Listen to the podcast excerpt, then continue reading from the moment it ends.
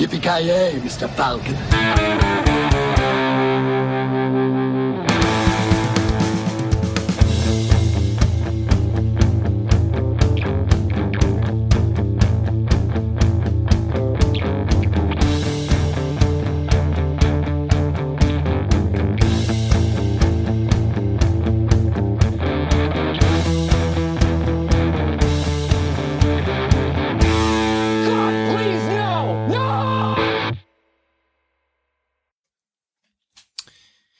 Jajamän, så gott folk. Hjärtligt välkommen till ännu ett avsnitt av Creative Meltdown Podcast. Ni har med mig, Kalle. Joakim Granström. Och eh, Kent. Jajamensan, och den här veckan kommer vi då prata lite om filmen Orgasmo. Vi kommer även ha ett ämne gällande remakes och eh, diskutera lite, ja, när eh, går gränsen i stort sett kanske. Och sen kommer vi även prata lite om The Warriors, men eh, ja, Kent, vi kan ju börja i eh, Orgasmo-spåret, så vad handlar filmen Orgasmo om, Kent? Ja, alltså det är, det är två filmer som är klassiker på varsitt sida av spektrat, så att säga. Ja, det, filmen handlar ju då kort och gott om, eh, ja, ska man säga, mormonen Joe Young, eh, som då ska leta sig, ja, hitta lyckan i Kalifornien och sprida budskapet för Jesus, men, eh, och tjäna ihop pengar till att eh, kunna gifta sig i kyrkan i Utah i stort sett. Och eh, stömlar då på en eh, porrinspelning och eh, blir porrskådespelare för att tjäna ihop pengar och eh, hijinks ensues, så att säga. Ja, man ska säga att de får ju inte rollen för att den är liksom eh, eh, som man tror att, att man- porrskådespelare blir, utan de behöver en snubbe som kan liksom kampsport och Ja, precis. Eh, De, de ska göra en superhjältefilm. Porrversion av en superhjältefilm. Och Ja. den, den skådespelaren de har är för mesig. Så, och då ser de eh, mormonen här som spöar upp ett gäng Mm. bad guys och han, de erbjuder honom sjuka pengar för att de måste ju ha honom i rollen. Ja, precis. Ja, det är underbart. De gör ju den här filmen och det, det den blir en supersuccé. Den passerade ju E.T. där, vilken film som drog in mest cash till exempel. Det var strax efter Star Wars om jag minns rätt i den här. Ja, Star Wars och eh, någon annan var det. Ja, man kan också säga att det här är ju Trey, Trey Parker som ligger bakom skaparen Mm. till South Park. Matt Stone är också med på ett hörn, är som skådespelare i alla fall. Jag vet inte om han hade något med filmen. Not say some queer or anything, but uh, I wanna fuck you, liksom. You got a great ass. ja, det är hu- komedi med extremt låg humor och eh, Ja, vi, vi pratade lite innan där, skulle jag kanske ha kollat upp det, men den är från 1997. Jag vet inte när South Park kom, om det var... Det är samma år där. Det säger att piloterna där kom väl typ något år innan där, men det är ju precis när- alltså, när de börjar komma upp på den fronten också. Ja, alltså den har ju... Det är ju ett tidigt verk, får- man ju säga. Oh ja. Ja, Matt Stone har varit med och skrivit manus också. Så, så det är ju lite, lite South Park-stuk, eller eh, om, om man har följt om Team America, ja men alla de här filmerna, och Basketball. Ja, South Park, Cannibal the Musical skulle jag säga att det finns inslag här också. Så man man känner igen det helt klart. Så jag vet inte, vad, vad säger du om filmen? Jag tycker att det är en så här unsung klassiker i, men det är ju bara för att jag tycker om Matt Stone, Trey Parker liksom egentligen, men det, jag tror att folk pratar alldeles för lite om den här filmen. Den, är, den har vissa guldkorn alltså. Den är, den är jävligt raunchy hela jävla tiden alltså. Det är mycket så här double anal, double vaginal och så vidare och massa sådana här begrepp som myntas på samma sätt som det myntas i American Pie liknande. Och, men alltså det är, jag vet inte, det är väl typ Ron Jeremy i en fruktansvärt underhållande roll också, får man ju i den här filmen också. Så det är, det är mycket av porrbranschen i den här, bara för att göra narr av själva grejen. Och Ron Jeremy är ju en sån där snubbe som faktiskt kan skämta om sig själv och ändå, ja, jag vet inte riktigt, ha kul åt saken också. Så han, eh, ja, det är bara en genuint bra film tycker jag. Ja, han spelar den superhjältens nemesis, The Ja. Gizmaster. Gizmaster Zero. Gizmaster Zero. ja, det är ju en uh, underbar cast, måste man säga. Ehm, Ben Chapelski karaktären också, Dian Bakar, han- har ju varit med i Basketball också. Mm. Squeak Scolari. Ja, sjukt liten människa alltså. Han spelar liksom en snubbe som har en, eh, dildo på, eh, som sticker upp ur sin hjälm liksom. Det är hans superhero. Show the boy. Ja. ja, ja den, det, men om man ska säga, jag tycker också det är riktigt bra, riktig klassiker alltså som man kan sitta och garva mot, garva mot och eh, vi, vi såg den ju här eh, alldeles nyligen och eh, den är ju kul men den blir ju, den håller ju, jag tycker inte den håller riktigt hela vägen faktiskt. Den, den ska försöka bli seriös sista halvtimmen eller någonting och som så många sådana andra filmer så då, då failar. Det blir liksom bara, ja det blir inte bra helt enkelt. Men första timmen där är ju magisk, det får man ju säga, med usel humor.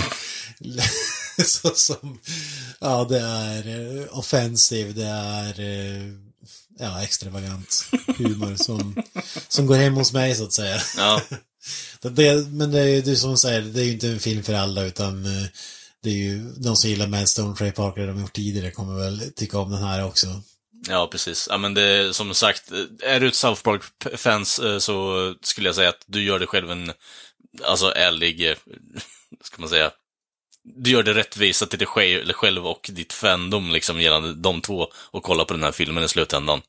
Det hoppas du make sense där. Ja, man älskar ju den här filmen för att de, de gör ju som, som med South Park och alla andra filmer gör att det är meningen att, ska, att det ska vara dåligt liksom. De har ju en, en fighting-scen där på, en, på ett sushi-ställe där de slänger en, en snubbe genom varje ett akvarium eller någonting. Och, och håller, man säger liksom att det är en docka och De trycker ner den med all kraft de har liksom så att det blir typ pannkaka den här jävla dockan liksom. Ja. Det ser så jävla B ut. Och bilden ligger kvar extra en, två sekunder där bara för att man ska se liksom dockans huvud också. Det är så jävla bra alltså. Eller när de bara slänger honom, den jävla dockan mot väggen och de fastnar i bordet typ så han stannar upp lite i fallet liksom.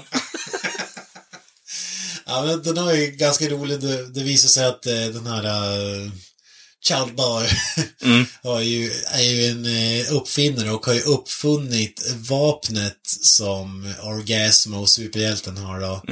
Trey Parkers karaktär har. Han har uppfunnit den på riktigt. Och då måste ju... och ska du berätta vad vapnet gör för något? Eh, Vapnet är ju då att, eh, ja, personen som blir träffad av det här vapnet kommer. Alltså, får orgasm helt enkelt. Och, ja, som sagt, det stoppar ju och eh, om inte gör folks eh, fokus ett bra tag så att de kan gå dit och slå till dem på käften i slutändan. Så det, Ja, det finns ju klockren scen när de går ut på stan liksom och använder det här på random folk. Ja. och sk- Skjuter dem så polisen som friskar den jävla, snö, äh, jävla skurken liksom. Bara slickar sig på fingrarna och slår till honom och bara går omkring och kysser honom på käften liksom. Det, det är en speciell, det är en speciell film är det faktiskt. Ja. Ja, den, den osar ju Trey Parker. Oh, ja. Han har gjort egen musik till filmen också som... Now you're a man, a man, man, man. Ja, underbar. Ri- Riktigt kul film alltså, måste jag säga. Mm. Ja, men jag älskar ju när de ska använda det här vapnet i, i The Final Battle också för att... Så mycket overkill i en scen liksom. Ja. Ja, ja men vi ska väl inte stanna kvar så mycket längre vid den, eller vad säger du? Har, har du några, ska vi sätta någon slags betyg eller? Alltså, som du säger, det är ju inte en film för alla och den, den tappar ju lite glöden där på slutet, men jag tycker ändå den håller upp eh, till, alltså, i slutändan. Så jag skulle ändå vilja sätta en 7 av 10 på den filmen, för den, det är en, ändå en Trey Parker-klassiker som alla, som har, alla fans av honom borde se någon gång i slutändan. Ja, jo, det, är ett must see om man, om man gillar Trey Parker och Man Stone, det är helt klart. annars vet jag inte riktigt om man skulle få ut lika mycket av den. Nej. Men jag är också där någonstans 7 av 10. Det, det känns väl, känns väl rimligt eh, just för att om man tar underhållningsvärdet är det kanske större än 7 av 10 men Ja, ja. i slutändan så sista halvtimmen ja det, det är långt mellan skratten alltså och eh, ja, själva hantverket i sig kan man ju inte få några pluspoäng för heller kanske. Nej, precis. Ti- Tidig film i hans karriär så, men ändå underhållande. Och om ni lyssnare inte håller riktigt med på vårt betyg här så är det ju bara att ge oss ett tecken. Vilket tecken som helst liksom. Ja. any sign, any sign at all. ja, vi, du kan ju berätta den scenen först. Ja, han, eh, Han eh, rådslår slår ju med Gud då bara, att bara, gör jag verkligen rätt nu? Om jag gör helt fel nu, visa med vilket tecken som helst och så börjar en jordbävning liksom och välter omkring allting i hans jävla lägenhet. Och sen bara, när det har slutat bara, any sign at all. Ja, precis. Om det är rätt beslut att ska ge sig in i porrbranschen. Ja, precis. Om det är mot Guds vilja. Mm. ja, det är klockrent. Ja, men eh, jag tror vi har tömt eh, eh, tömt, oss, tömt oss på informationen här, så att säga, för att dra till en frän ordvits. Men eh, ja, vi hoppar väl vidare, som sagt. Ja, det lät ju som en film att, eh, att kolla in. Jag har ju faktiskt inte sett den, så att eh, ja, vi får se. Kanske blir någonting att kolla in. Men vi hoppar raskt vidare. Tänkte snacka lite grann om eh, remakes. Det är ett ämne som har dykt upp i podden titt som tätt och vi har pratat om diverse taskiga remakes och så, men bara lite grann eh, fundera, hur ser vi på remakes i allmänhet? Är det någonting som vi tycker om? Är det någonting som vi hatar? Finns det någon, finns det någon poäng med det? Eller alltså, det, det har ju varit en, en stor del just det här att gamla filmer som har varit väldigt populära, väldigt väl ansedda, har fått remakes för att de har inte lockat, om man säger, den yngre publiken och då får man en remake för att locka en mer modern publik. Och i de allra flesta fallen så är ju remaken en mer eller mindre en katastrof. Saknar alla kvaliteter som originalet hade. Så att, eh, ja, en kort fråga om vi börjar bara där. Var ställer vi oss till remakes? Är det någonting som vi tycker om? Hatar vi det eller bryr vi oss inte? Finns det överhuvudtaget någon åsikt att ha just kring deras existensberättigande? Jag går att göra annat än att hata remakes, jag vet inte. Men jag känner också så här att man har på något sätt ett, ett inbyggt eh, hat mot det redan från början, vilket inte är helt, alltså, det är inte rätt egentligen heller, men alltså på något sätt så har man ju haft för mycket upp, alltså, upplevelser gällande remakes att de är dåliga och inte gör någonting relevant med originalet egentligen. De tar inte det till en annan riktning egentligen, utan det är bara samma skit, fast sämre. Alltså allt handlar ju om anledningen till en remake. I, idag handlar ju bara remakes om att eh, man har kommit fram till att eh, om, om man, ja precis, om man, man ska dra in så mycket cash som möjligt och du kan inte dra in så mycket cash om du inte har ett varumärke som eh, kunderna redan vet vad det är för någonting. Så därför får vi liksom Total Recall remake som ingen någonsin har liksom efterfrågat. alltså, eller Ghostbusters remaken kanske är den värsta av alla liksom. Inte, inte oavsett hur filmen blev men att, att göra en remake av den filmen är ju bara det mest, bland det mest cyniska alltså. Så, så jag förstår, jag kan förstå remakes som om vi säger att originalfilmen är värdelös eller alltså bara dålig och, och, du verkligen vill känna att ja men det är kanske baserat på en bok eller någonting kanske känner att ja men det här är en passion project. Jag, jag vill att den här filmen ska få en liksom riktig ett, ett värdigt värdigt avslut på säga inte det blev fel men en värdig version. version precis. Alltså jag, jag måste säga att jag ändå kanske något mer eh, positiv till remakes än vad, vad ni två verkar vara. Det finns ju absolut, om man säger en... Det, det går inte att komma ifrån att när man hör om remakes så känns det ju direkt som att okej, okay, här har de en brist på kreativitet. De tog någonting som någon annan har gjort och liksom vill, vill tjäna pengar på det. Så att, där, absolut, jag håller med om att där, där får man ju absolut ett, eh, en viss avsmak. Men samtidigt kan jag tycka att när de faktiskt gör någonting som är annorlunda kan jag ändå tycka att då kan det bli lite kul, att man får en, man får en annan vändning på någonting som ändå känns bekant. Sen så, problemet här är ju just det här att det är så extremt sällan man faktiskt lyckas med det, alltså som Kalle säger, vi har fått, man antar att en remake kommer att vara dålig därför att nio av tio remakes som vi har fått har blivit dåliga och det i sig har ju bidragit till den här avsmakskänslan som man, som man har. Men om vi då, om jag kastar över frågan till er igen då, i och med att ni som sagt hatar remakes mer eller mindre. Finns det någon remake som ni tycker om, eller som ni tycker är tolerabel? Ja, alltså, det, det där är ju svårt att avgöra också egentligen, för mycket av de filmer jag har sett på har jag inte koll på om de är remakes eller inte heller för den delen. Så, men alltså som vi säger, det, Departed är ju en remake på Internal Affairs, och den tycker jag faktiskt, eh, Infernal Affairs, ja, whatever. Jag tycker ändå att den är, det är en okej okay film. Jag är underhållen av den när jag ser den varje gång liksom. Så jag är med på ditt spår där med The Departed i alla fall. Så det är definitivt en remake som jag tycker är bra. Jag tycker att remaken är värdelös och originalet fantastiskt. Men alltså där kan jag förstå att liksom språkbarriärerna att uh, en asiatisk film kanske inte skulle slå eh, eller folk skulle inte... Det, det känns som att problemet här är snarare att amerikanerna inte kan läsa, men... Ja, precis. Det skulle aldrig kunna tänka sig att sitta igenom en film med subtitles liksom, som vi är vana vid. Nej. Alltså jag, jag, jag håller ju med om att, eh, om att eh, The Departed är en riktigt bra film. Eh, sen så, eh, som jag nämnde i vårat mest emotsedda filmer 2018, så jag hade ju faktiskt med en remake på den listan. Eh, Ilang, The Wolf Brigade, som var en remake på en anime. Och det tycker jag ändå är en det, det är ändå någonting som jag tycker är intressant och det är en annan grej där i och med att de har transplanterat det från Japan till eh, Sydkorea och handlingen har att göra med Nord och Sydkorea och liksom deras eh, unifikation om man kan kalla det. Så där känns det ändå som att de har försökt göra någonting som är, de har tagit grundhandlingen men flyttat om den till ett annat ställe och och gjort, om man säger, någonting som är relevant där den har hamnat. Lite grann egentligen på samma sätt som jag tycker att de gjorde med The Departed. Alltså, de, den originalfilmen var ju, filmen var ju en väldigt eh, Hongkong-aktig polishistoria. Och de har liksom flyttat över den till Amerika, det har att göra med mobbasis istället. Och jag tycker ändå att de har gjort ett riktigt, riktigt bra jobb där. De har transplanterat och de har behållit det som gjorde originalet bra, men de har gjort en variation på det där det funkar på, på, en, på en annan nivå i den remake, remaken helt enkelt. Jag har ju en annan nu när jag ändå tänker efter. Alltså True Grit med eh, Jeff Bridges eh, och eh, gjord av Coen-bröderna. Eh, är ju en remake på den filmen med John Wayne.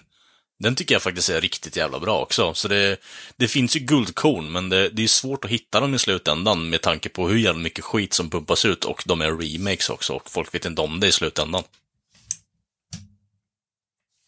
Nej, men så är det ju absolut.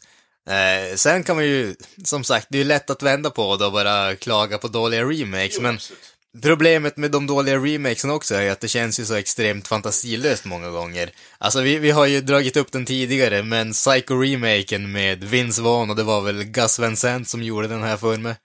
Eh, de, den är ju nästintill shot for shot remake av eh, Hitchcocks original. Och det, jag förstår, jag förstår grejen, att man vill göra liksom en ny variation på det gamla och uppdatera det, men gör du en shot for shot remake, då har du tagit bort all, alla förändringar som du kan göra för att göra det säreget och göra det intressant. Ingen vill ju se, alltså det, det, det är som att liksom göra en kopia av Mona Lisa, men du gör andra färgval ungefär, och så ställer du den bredvid och så tror du att folk kommer att tycka om din variation på Mona Lisa. Det, det är ju ingen som bryr sig om det. Då kommer alla att gå och se liksom originalet från, inte vet jag vad är det, 1700-talet eller vad när den gjordes. Det är liksom, ingen bryr sig om din remake med lite ändrade färger som du gjorde 2015. Det, det, det, den idén är ju befängd.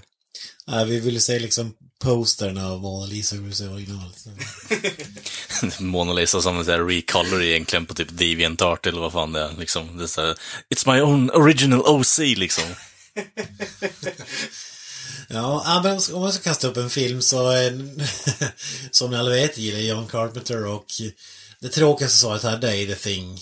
Alltså som är fantastisk, som är en remake på en gammal film. Men det finns en annan John Carpenter-film, Assault on Precinct 13. Som är inte... Det har ju gjorts en remake med... eh, Ethan Hawke. Ethan Hawke, det är inte den jag pratar om.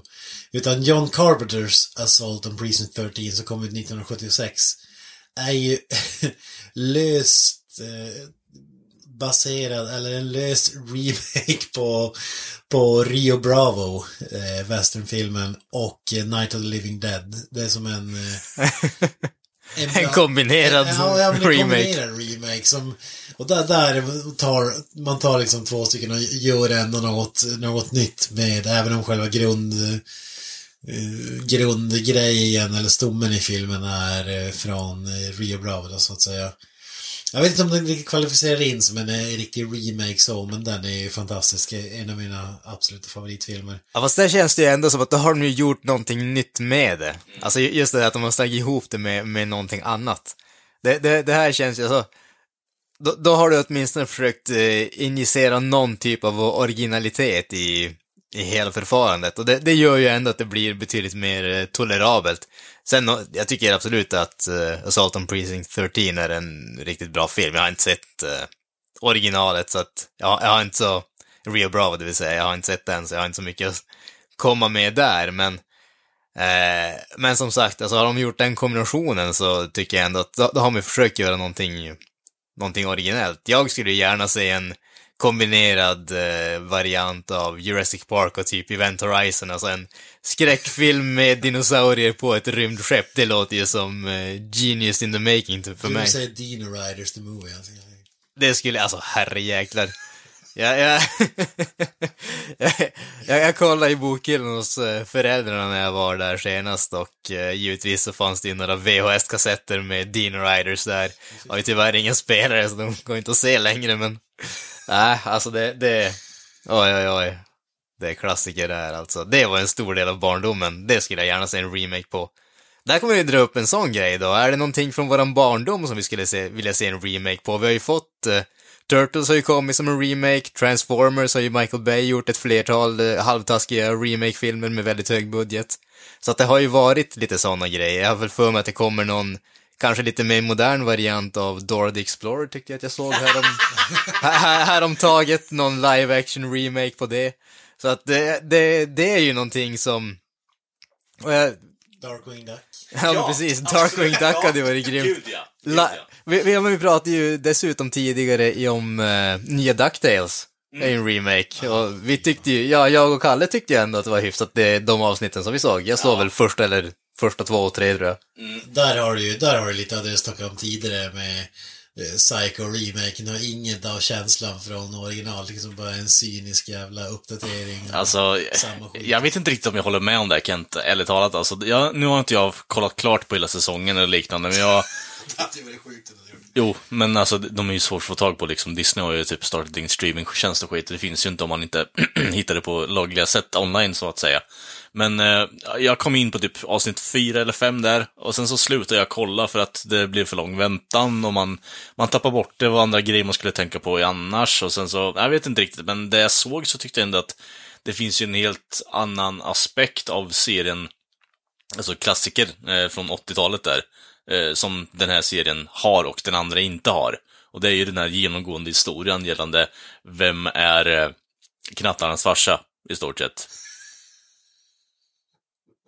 The Great Mystery. Ja, men alltså det är ändå någonting alla som eh, är involverade i det här universumet tänker på i slutändan. Vad fan har Gullig och hänt? flinthjärta, bam, vi går vidare. Ja, det- eh, jag har ju någon remake där jag, där jag både tycker om originalet och remaken. Det är lite ovanligt ändå. Okej. Okej, ja, ja, det var en fråga du ställde oss. Nej, nej. Eh, det är nämligen så här att eh, kanske kommer lite out of the left field här, men Sylvester Stallone och David Carradine gjorde en fantastisk film som kom ut 1975. Jag pratar förstås om Death Race 2000. Alla som har spelat Carmageddon vet vad jag snackar om. Det, spelet baseras på den här filmen.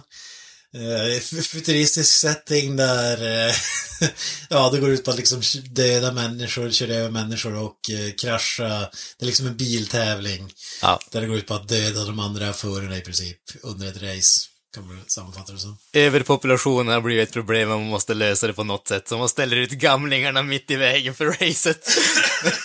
det är typ den serien som jag kommer ihåg, när de går ut på rullstolarna från sjukhuset. och ställer dem i vägen. Ja, det är underbart liksom. Det är dags att bli av med skiten. Ja, den är, den är underbar alltså. Moverslack på högsta nivå och en av Definitivt. tidigare roller måste det vara. Ja. Eh, Men Paul W.S. Anderson, allas vår favoritregissör, eh, har gjort, har gjort en mästerlig remake med Jason Statham, Ian McShane och eh, Tyrese Gibson för att nämna några. Ska icke förglömma Robin Chu. Usch, fy fasiken, det var inte illa. Fast han gjorde ju å andra sidan Mortal Kombat. Det, det är nästan tragiskt när de har gjort så mycket bra tillsammans att de inte är med och gör alla filmer tillsammans, tycker jag.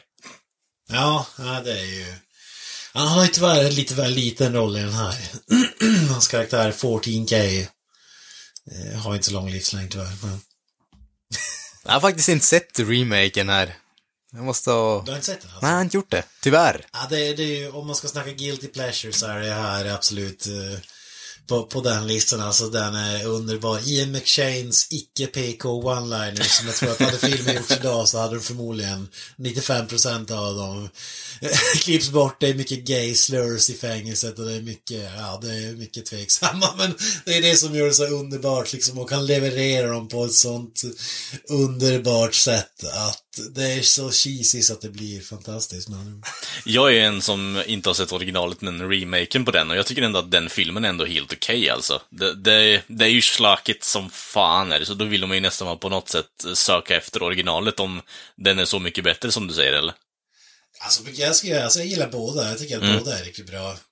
Skulle jag, skulle jag tvungen välja någon så kanske till och med remake faktiskt, men Alltså den, den första är ju mer lite råare, alltså det här klassiska 70-tals eh, våldet liksom på, på så sätt. Så där har ju den pluspoäng. Men den har ju inte samma humor och eh, glimten i ögat kanske som, som remaken har.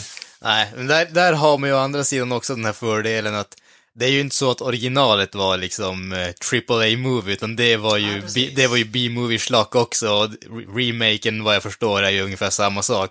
Det, det blir ju åtminstone lite mer acceptabelt än när du tar liksom en gigantisk känd eh, stor film och sen gör du en billig remake på det och allting liksom misstämmer. Det blir bara det blir bara liksom C-level shit av det när du har haft en AAA original. Har du gått från B-movie schlock till B-movie schlock så känns det ju ändå som att då ligger du på samma nivå.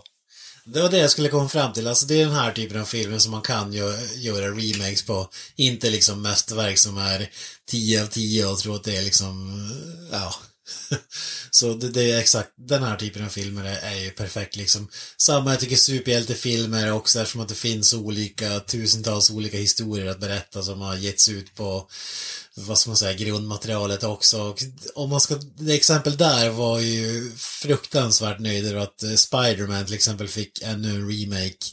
Trots att det här är det tredje ordningen eller någonting för att den Amazing tror jag att den heter. Som var, alltså det det är alltså uselt så jag har inte ord för det liksom. Så, så där blev det helt klart. Mm. Alltså vad som än skulle komma efteråt är ju bättre än den skiten. Så. Jag har en kort inflikning där egentligen. Alltså, i den meningen, jag förstår att eh, det på något sätt blir en remake för karaktären, men alltså, det, jag skulle inte säga att den delen av filmvärlden är en remake egentligen. Alltså det, det är på något sätt en reimagining om du förstår hur jag tänker. Alltså det, det är samma karaktärer, karaktären har alltid existerat, det är en existerande property på det sättet, men... Ja, nu fastnar vi det här, är det en reboot eller remake eller reimagining? Ja, mm. men... ja.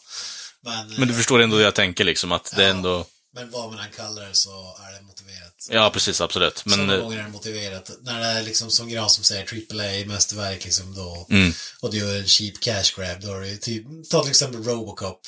Ja, gud ja. Remaken där var ju, alltså jämför de två liksom. Det, ja, det... Black. Ja, det, more tactical. Ja, men det är, ju, det är ju natt och dag liksom. Det är helt sinnessjukt alltså. Den ena är en rolig jävla 80-tals slock actionfilm eh, med politisk kommentering och den andra är i stort sett bara politisk kommentering och mörk. Man ska säga den kanske av så här, eh, vi som gillar action håller i den fruktansvärt högt, men den kanske inte är så här eh, superansedd i andra kretsar. Så det, jag kan ändå förstå att man kanske skulle kunna göra en remake av den, men inte på sättet som man gjorde det på. Nej, inte direkt. Alltså, jag känner ju här att eh, jag vill ju ha en eh, remake av Titanic, regisserad av James Cameron, utspelas på ett rymdskepp i rymden när de krockar med ett flygande isberg. Och sen är ju allting i 3D givetvis, så att liksom allting måste ju vändas och faras i 3D, för det är ju James Camerons grej. Och sen är det ju typ, eh, vem har vi istället för, vem, vem är dagens motsvarighet till Leo DiCaprio? Jag vet inte. Vem är... Chris Pine. Ja, jag, tänk, jag tänkte, nej fan, han är ju... Vänta, Chris Pine, du måste tänka Chris Pratt dessutom. Nej, jag tänker Chris Pine. Äh, Pine. Seriöst, Chris Pine? Ja. Jag vet inte, det är någonting med han. Han ser alltid ut som han håller på att skita på sig. Ja, precis som Leonardo DiCaprio då. Uh, Jag vet inte om jag håller med Leonardo riktigt där. DiCaprio, det var ju som att slita ut en från, person från en synk liksom, inom medlemmen där och i filmer. Alltså, jag vet inte, finns det någon sån riktig? Om man säger för lite, det är väl någon Twilight eh, Ja. kanske, jag vet inte. Robert Pattinson eller vad han heter. Fast å andra sidan, han har ju... jag har fått mer respekt sen jag, lärde, sen jag fick höra att han tydligen hatar att göra Twilight, så han hatar allting som har med de filmerna att göra så. så då fick jag, okej, då fick jag ett, ett uns mer respekt för den i alla fall. Jag tycker han är en helt okej skådis. Ja, men det finns ingen sån där, uh, som jag kommer på i alla fall, Justin Bieber typ, eller det? Nej, alltså det, det, jag vet inte om det, det kanske är för att vi är för gamla, för jag har inte riktigt koll jag på de här på teenage heartthrob-killarna. Det är typ, Zac Efron kommer jag ihåg, men det var ju ändå typ tio år sedan han var en sån. Ja, han är typ 35 och liksom har magrut med, med The Rocky Baywatch liksom. Ja, men han, han har ju ändå lyckats eh, skaka av sig den här. Mm. Men det är som att säga, från Disney-fabriken här finns det väl Ja. hundratals. Säkert. Jag vet, vi kör en eh, remake med Logan, Logan Paul ute i rymden. Han hittar ett dött lik ute i rymden och så, så filmar han och lägger ut det på YouTube liksom. Jag har ingen aning om vad du sa. Okej.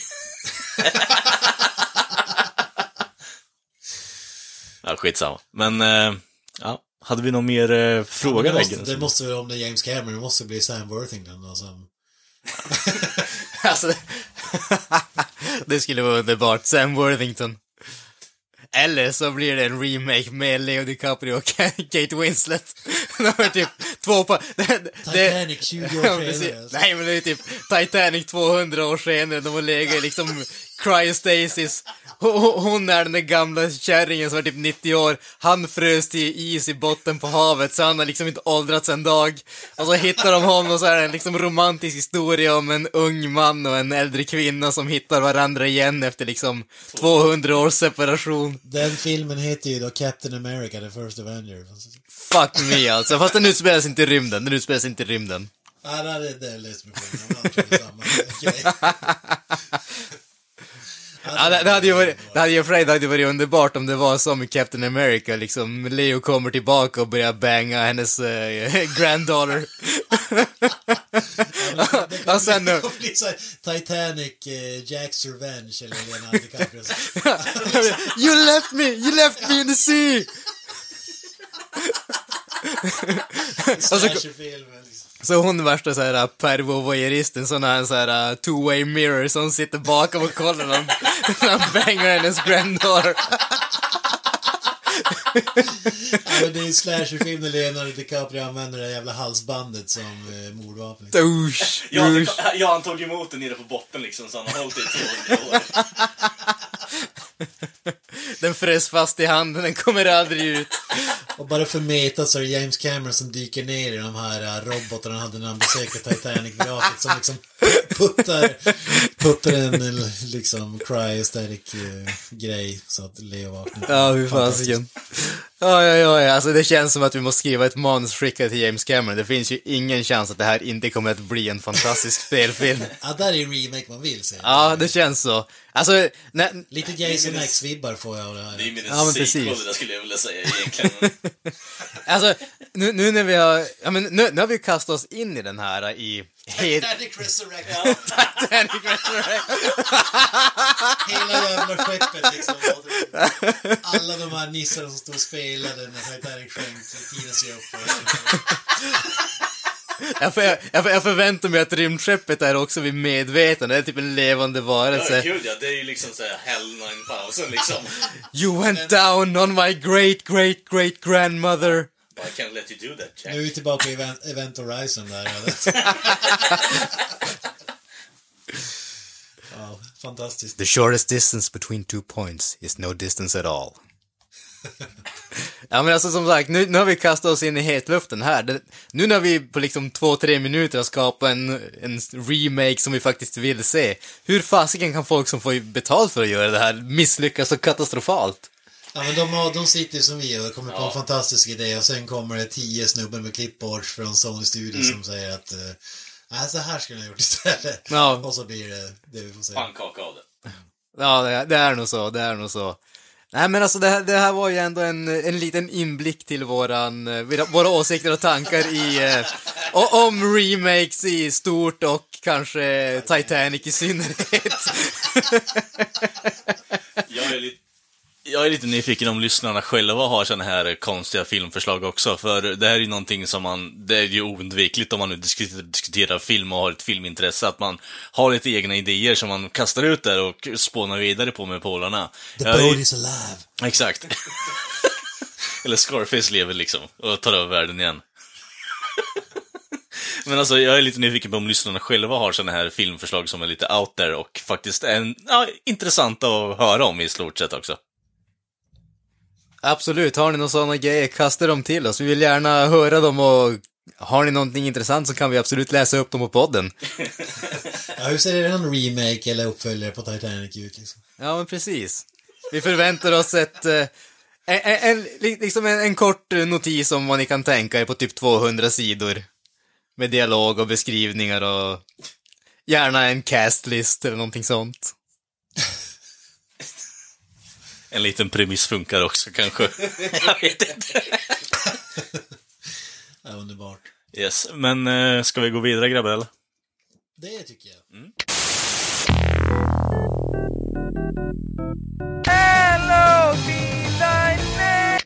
Mr Granström, eh, take it away. Vi behöver en förklaring på vad The Warriors från 1979 handlar om. Yes, du, du, du kastar den här frågan till den killen som inte har sett filmen på typ 18 år, det vill säga när ni två såg den för några dagar sedan.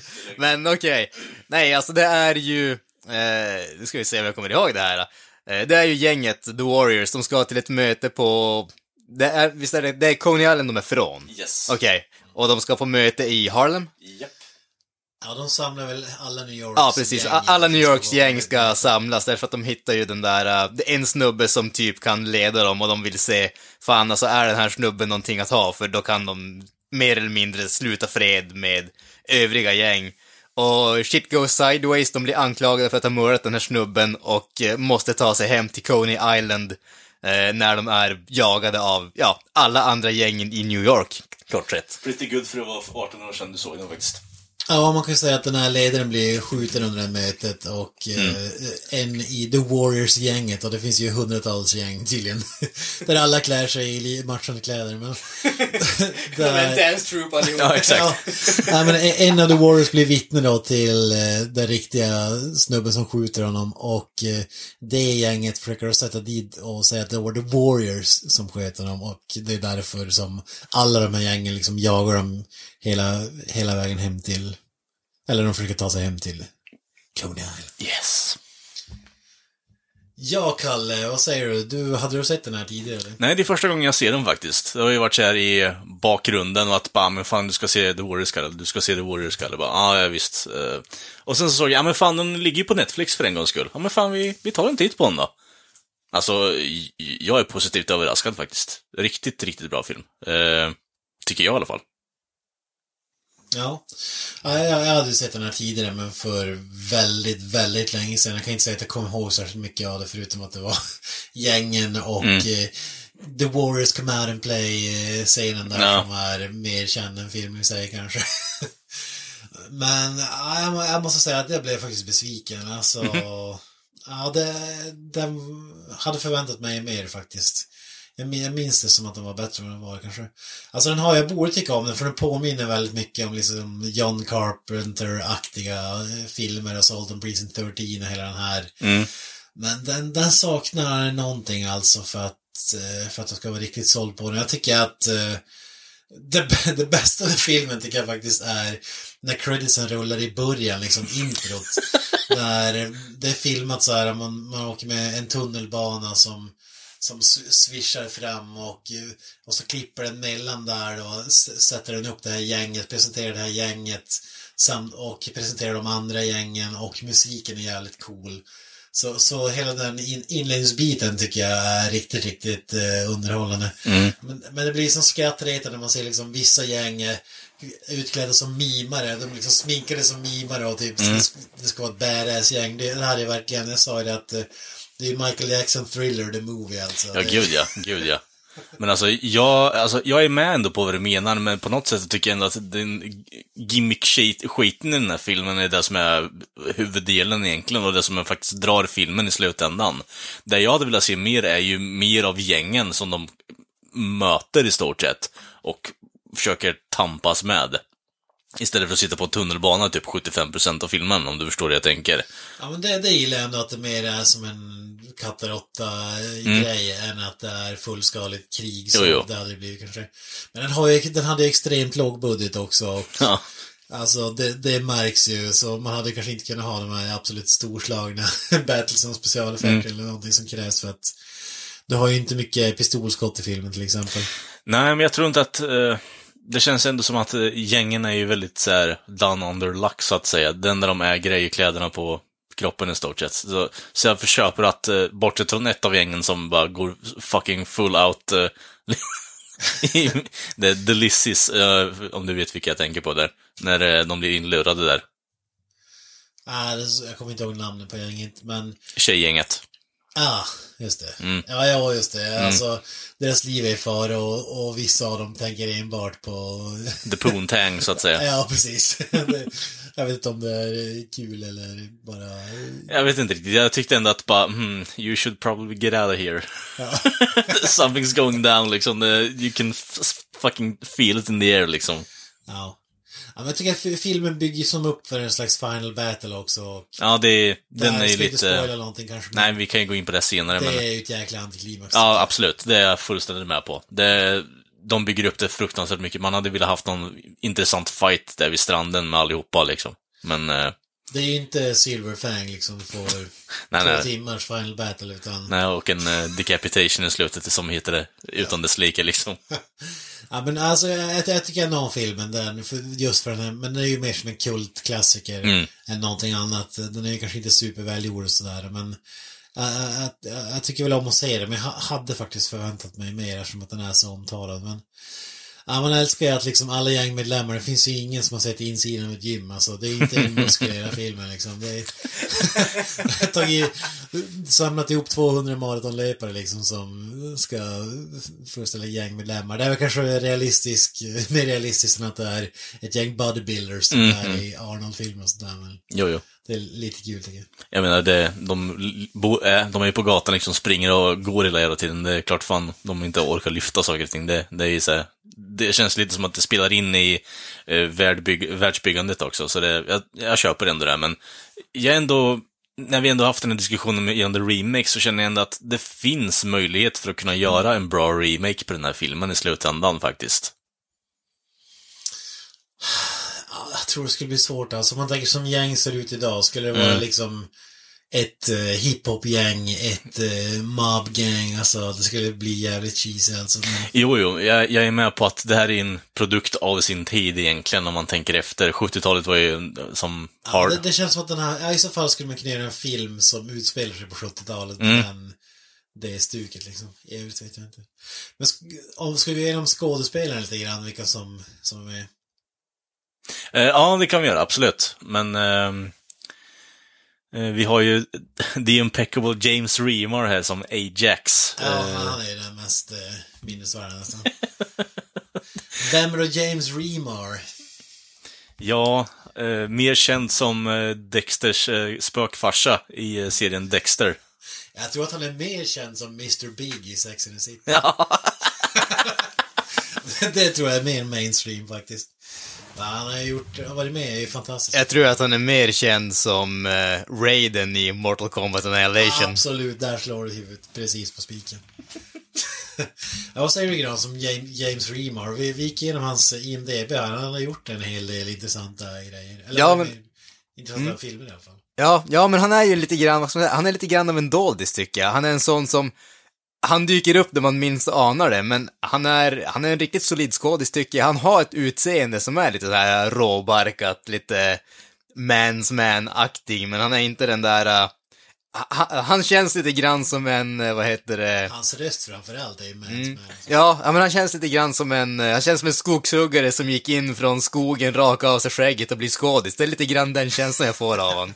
Han, han är lite grann åt det hållet. Och han är ändå, han, han gör bra, han, han gör bra grejer. Han, hittar, han är en sån där som har hittat sin nisch. Han vet att han inte är den snyggaste skådisen, han kommer aldrig att vara liksom heartthrobben som alla damerna vill ha. Han kommer aldrig att vara den mest komiska snubben, utan han gör de där mans man-rollerna och han gör det riktigt bra. Jag menar, det finns någonting att säga för de som accepterar sin nisch och kan göra liksom bra hantverk inom det, tycker jag. Ja, men det, det känns som en bra beskrivning faktiskt. Han är ju han är med, han har ju inte jättestora roller alltid. Det här är väl en av hans största, men minns jag alla Blade Trinity, fantastisk film där, där han var med bland annat. ja, precis. Eller Fantomen med Billy Zane, där han är en av skurkarna. Ja, den hade jag helt glömt bort alltså. Jävlar. Nej, han är väl... eh, han är är en ju... film som skulle behöva en remake. Ja, på tal, på tal om, på tal om. Eh, han fick ju, man får ju veta när han blir slagen av Fantomen, så han har ju dödskalleringen på kinden. Märket från den. Oj, oj, oj. Underbar. Underbar film. Billy, Billy, Billy Zane, Catherine Zeta-Jones. Nej, fasken, det är riktigt bra grejer det där. Ja, vi minns ju även Hellraiser Inferno när han spelade Dr. Paul Gregory. Fantastisk insats. Nej, men eh, vad, vad har vi mer på listan? Det, det är inte så många skådespelare i övrigt som jag känner igen. Nej, men samma här. Det, är ju, det var ju James Reamer som stack ut för min del i alla fall. Och det, det är ju som sagt Dexters Ghost Dad i alla fall som... eh, som jag känner inom mest ifrån i stort sett. Men You eh, have to kill them, hide the blood. han bara, do it right Dexter. Never let anyone in. Ja. Ja, jag vet inte. Andra huvudrollsinnehavaren, Michael Beck här, jag känner, kan inte komma på att jag har sett i någonting faktiskt. Nej, inte här heller faktiskt. Det är svårt när de är så unga liksom. Hade de varit lite äldre så hade man kanske känt igen dem mer. Men... Ja, men det är ju han, eh, han skurken som faktiskt skjuter eh, eh, ledaren där, är ju... Ja, Just Shoot Me Ja, precis. Elliot där, han fotografen. Jag kommer inte ihåg vad han heter dock, men... eh, eh, Det är ju han i alla fall, och det blev ju så här, du tog upp det när jag kom hit, eh, upp till Piteå. Så blir det ju så här bara, oh, what the fuck moment i stort sett. Bara, Jo men fan, det, det är fan ändå likt honom liksom. Jo fan, men fan vad fränt liksom att han har varit med där. Och sen så är han med en halvtaskig komedi, sitcom med David Spade liksom. Det var inte riktigt den övergången han hade förväntat sig kanske. Jaha, fan, det är ju... Ah, fan heter han? Han, är ju, han var ju med i, om det är samma snubbe som vi tänker på, han var väl med i, eh, med, med Jesus, den serien också, var han ju med i. Med Jesus. Ja, men vad heter han? Skådisen med Jesus, som var Jesus i Passion of the Christ. Det här blir riveting listening för eh, vå- våra lyssnare, men han var ju med i den serien också, spelade en mobboss, och så var han inte Veronica Mars farsa, om det är den skådisen ni tänker på. Ja, vi har även Steven James. Kan vi nämna. Kan, kan vi söka igen namnet här uh, under tiden. Men, se om jag lyckas med det här. men Steven James är ju mest känd för mig i alla fall från American Ninja. Eh, fantastisk eh, skådespelare måste man ju säga. Snubben jag tänker på är ju Enrico Colantoni, jag antar att... Ja, det är han? exakt. Ja, Det är exakt. Ja, det är han som har den där legendariska linjen. Warriors! come out to play! Han är sån där Corporal, Curtis Jackson i American Ninja. Fantastisk skådespelare. Även med American Ninja 2, 3 och så vidare. Jaha. Ja, det är väl det. Men ska vi ta den här klassiska linen? Du, när vi såg den, du, du var lite besviken över den. Ja, alltså. Jag har ju bara sett ett litet kort klipp på den. Och det är så här första gången han säger det. Jag har inte sett de andra tolv gångerna han säger det och blir progressively more fucking cringy. Samtidigt som han håller på med de här jävla glasflaskorna. Warriors, come out to play! Eh! Liksom det... Jag vet inte riktigt. Det, på något... han, han har sagt den en gång, men han Ja. upprepar den kanske fem, sex gånger Ja. i rad. Då blir det lite så här... äh, Alltså det, det, det tappar jävligt mycket alltså. Och vart fan fick de idén med flaskorna där? Alltså, Ja, Han st- stoppar flaskorna på fingrarna liksom och, klirrar ihop den. Så. Enrico hade för mycket att dricka dagen innan liksom. Det var därför. Han är som, han är som Marlon Brando i Island of Dr. Moreau. ingen, ingen vågar säga till honom. Han hade så mycket ego, ingen kunde bara säga nej, gör inte sådär, för helvete, gör inte. Han somnade med fingrarna i flaskorna och fick inte loss dem. Så sa han, ah, fan kör. Ja, och han hade, och han hade den där stiletto-kniven liksom framför sig liksom. Bara så att de som försökte ta bort den så höll han på att hugga liksom. Ja, men problemet är med filmen är att det känns ju mycket som en musikvideo och mycket på grund av thriller, men även upplägget är så här äh, det är så lite musik, det kommer ett gäng som alla är klädda i samma kläder Mm. och ja, det, det blir lite väl inte movslack, det är väl här är väl mer cheese-hållet kanske, eller jag vet inte. Jo, men på något sätt är det så här underbar 70-talsost liksom. Det, det är ju right up my alley egentligen. Filmen känner på lite mer gore.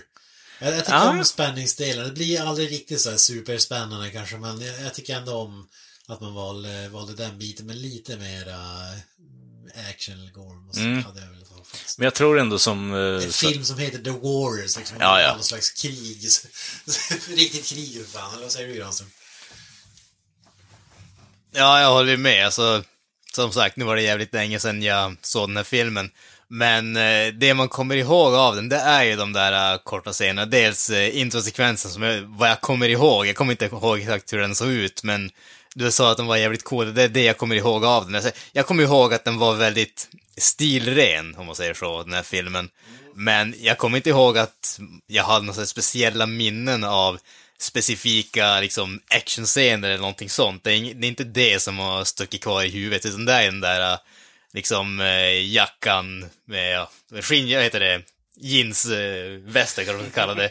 Jeansvästen som Warriors bär. Det, det är liksom, det är de, de lite mer estetiska bitarna som man kommer ihåg, men jag kan inte påstå att jag kommer ihåg så jäkla mycket om filmen i sig egentligen. Mm. Nej, men alltså det... För mig blir det så här mer bara att det, det är ändå en, flera sekvenser med den här filmen som jag tycker ändå är... Den är jävligt bra alltså. Det är många fight-scener, den där, speciellt den där i skogen när de möter eh, de här eh, Juggalo-målade baseballspelarna liksom.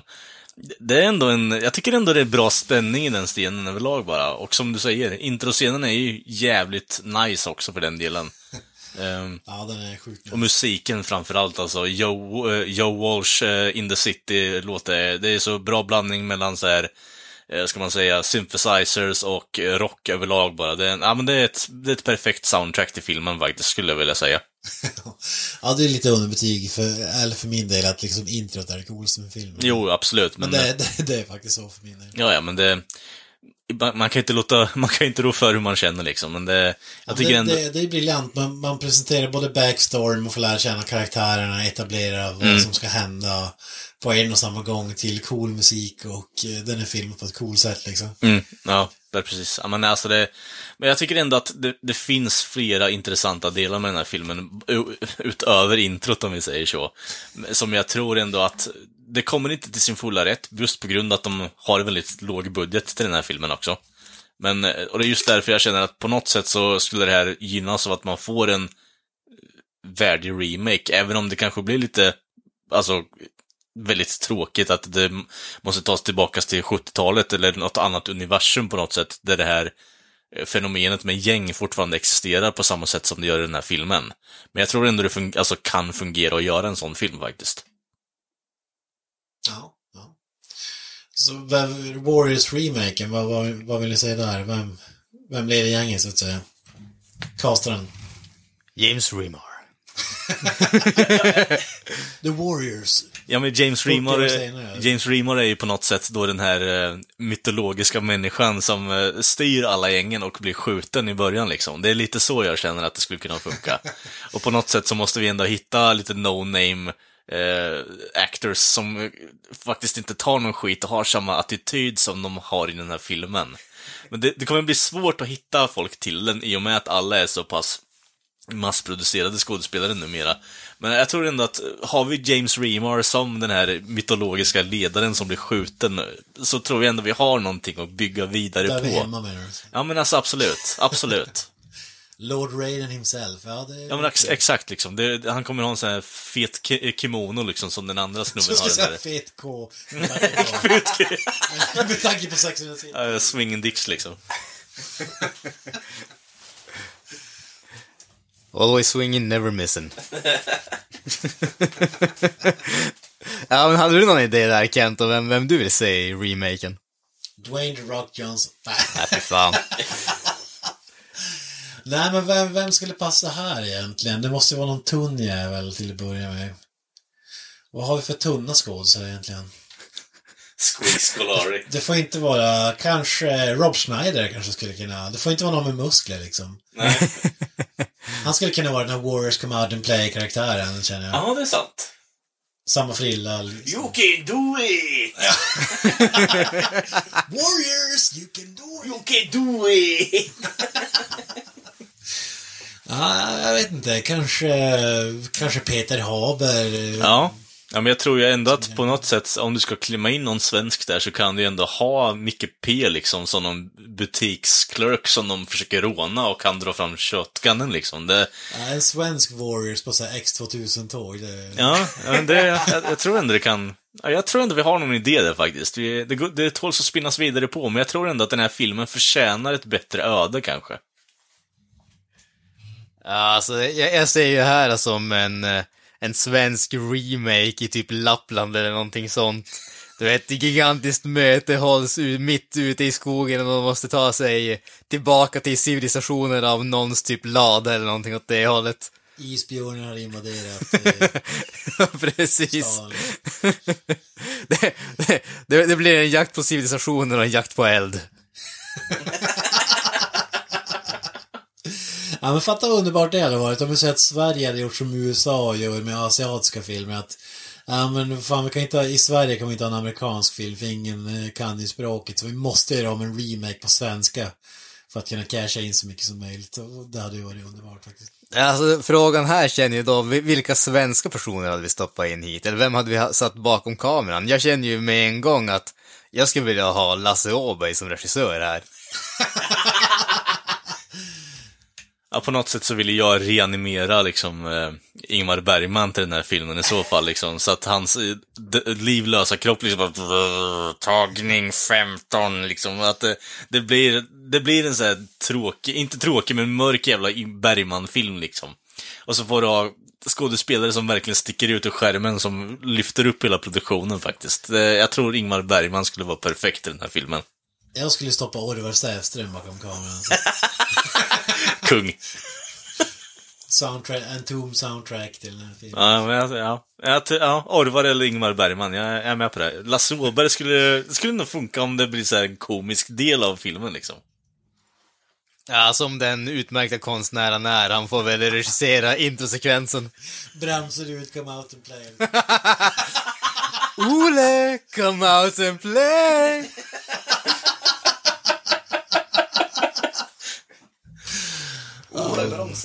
Åh, herr Larsson kom ut och lek. ja, precis. Nej, jag hade ju stoppat Fredrik Granberg, No Contest, bakom kameran om man ska vara riktigt seriös alltså. Alltså, ja.